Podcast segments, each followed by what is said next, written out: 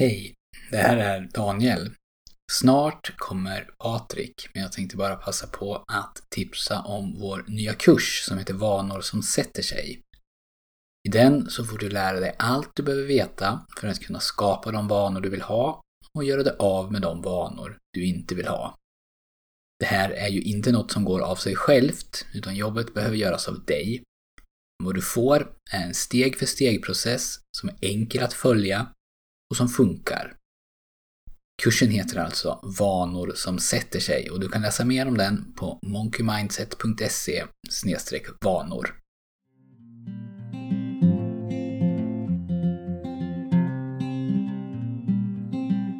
Välkommen till Monkey Mindset.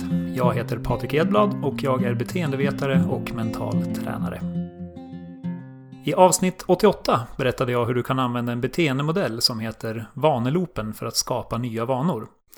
Det här avsnittet kommer istället att handla om hur du kan bryta gamla ovanor, men vi kommer att använda oss av samma modell, så jag börjar med en sammanfattning av hur den ser ut.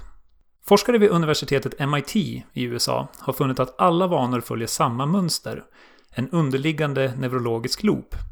Den här vaneloopen består av tre olika delar, en trigger, en rutin och en belöning.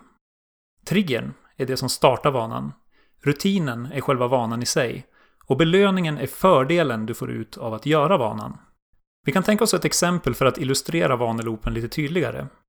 Föreställ dig att du har ovanan att äta sötsaker när du känner dig uttråkad. Här är det känslan av uttråkning som är din trigger. När triggern uppstår startar din rutin, vilket är att äta godis. Och på det sättet kan du distrahera dig från uttråkningen och känna dig lite lugnare.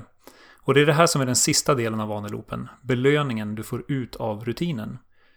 Ju mer positiv du upplever den här belöningen, desto mer sannolik kommer det att vara att genomföra samma rutin nästa gång triggern dyker upp. Det fina med vaneloopen är att den gör det enkelt att bryta ner sina ovanor i de här olika beståndsdelarna, trigger, rutin och belöning, och sedan angripa dem alla med olika strategier.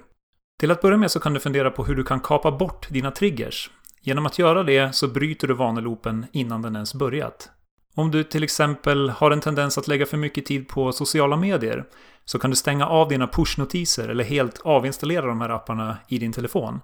På så sätt tar du bort flera av de triggers som ligger bakom beteendet.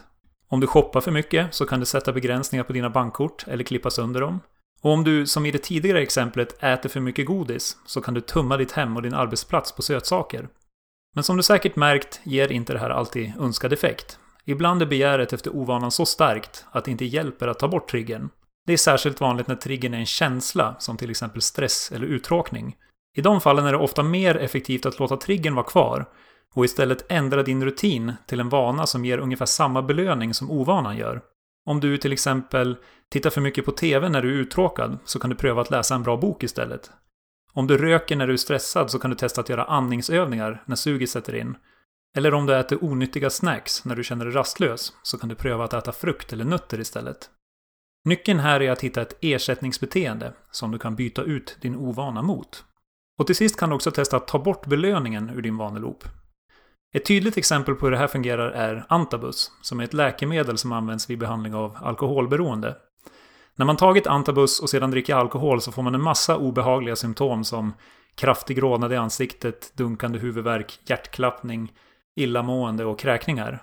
Den vanliga belöningen av välmående är med andra ord som bortblåst, vilket gör drickandet betydligt mindre tilltalande. Ett annat effektivt sätt att ta bort belöningen är att skapa vad beteendeekonomer kallar för ett commitment contract. Ett sådant kontrakt består av tre olika delar. För det första behöver det innehålla ovanan som du tänker sluta med. För det andra ska det innehålla något du sätter på spel, till exempel pengar eller ditt rykte. Och för det tredje behövs en domare, en person som håller dig ansvarig till ditt kontrakt, som gärna är hård men rättvis. Sen rapporterar du till domaren varje dag och om du misslyckas med att hålla dig från din ovana så blir du av med det du satt på spel. Du kan till exempel förbinda dig att swisha 500 kronor till en kompis eller berätta om ditt misslyckande i en Facebook-status så att alla dina vänner kan läsa om det. Eller både och. Det viktiga är att du sätter något på spel som verkligen gör skillnad i ditt beteende. Du vill att nackdelarna i ditt commitment contract ska överväga belöningen i vaneloopen. När du hittar den balansen så kommer du vara mycket mer sannolik att göra dig av med din ovana. Okej, så sammanfattningsvis kan du göra dig av med dina ovanor genom att angripa de tre olika delarna i vaneloopen. Triggern, rutinen och belöningen. Du kan börja med att kapa bort dina triggers genom att avlägsna allt som kan starta ovanan från din omgivning. Om det inte funkar kan du testa att låta triggern vara kvar och istället byta ut rutinen mot en hälsosammare vana som ger ungefär samma belöning som ovanan gör. Och till sist kan du testa att ta bort belöningen genom att skapa ett commitment contract. Jag hoppas du tyckte det här avsnittet var intressant och att du kommer att använda de här strategierna för att bryta dina egna ovanor. För, som vi på Monkey Mindset brukar vara noga med att påpeka, så räcker det inte med att veta om de här strategierna. Du måste använda dem för att de ska göra skillnad i ditt liv. Är du redo att göra det, men vill ha coaching av mig och Daniel på vägen, så rekommenderar jag varmt att du kollar in vår kurs Vanor som sätter sig. Där får du omedelbar tillgång till instruktionsvideos, arbetsböcker, en privat Facebookgrupp och flera bonusar som gör det både enklare och roligare att skapa bestående förändringar i dina vanor. Du kan läsa mer om kursen på monkeymindset.se vanor. Det var allt för den här gången. Vi hörs snart igen.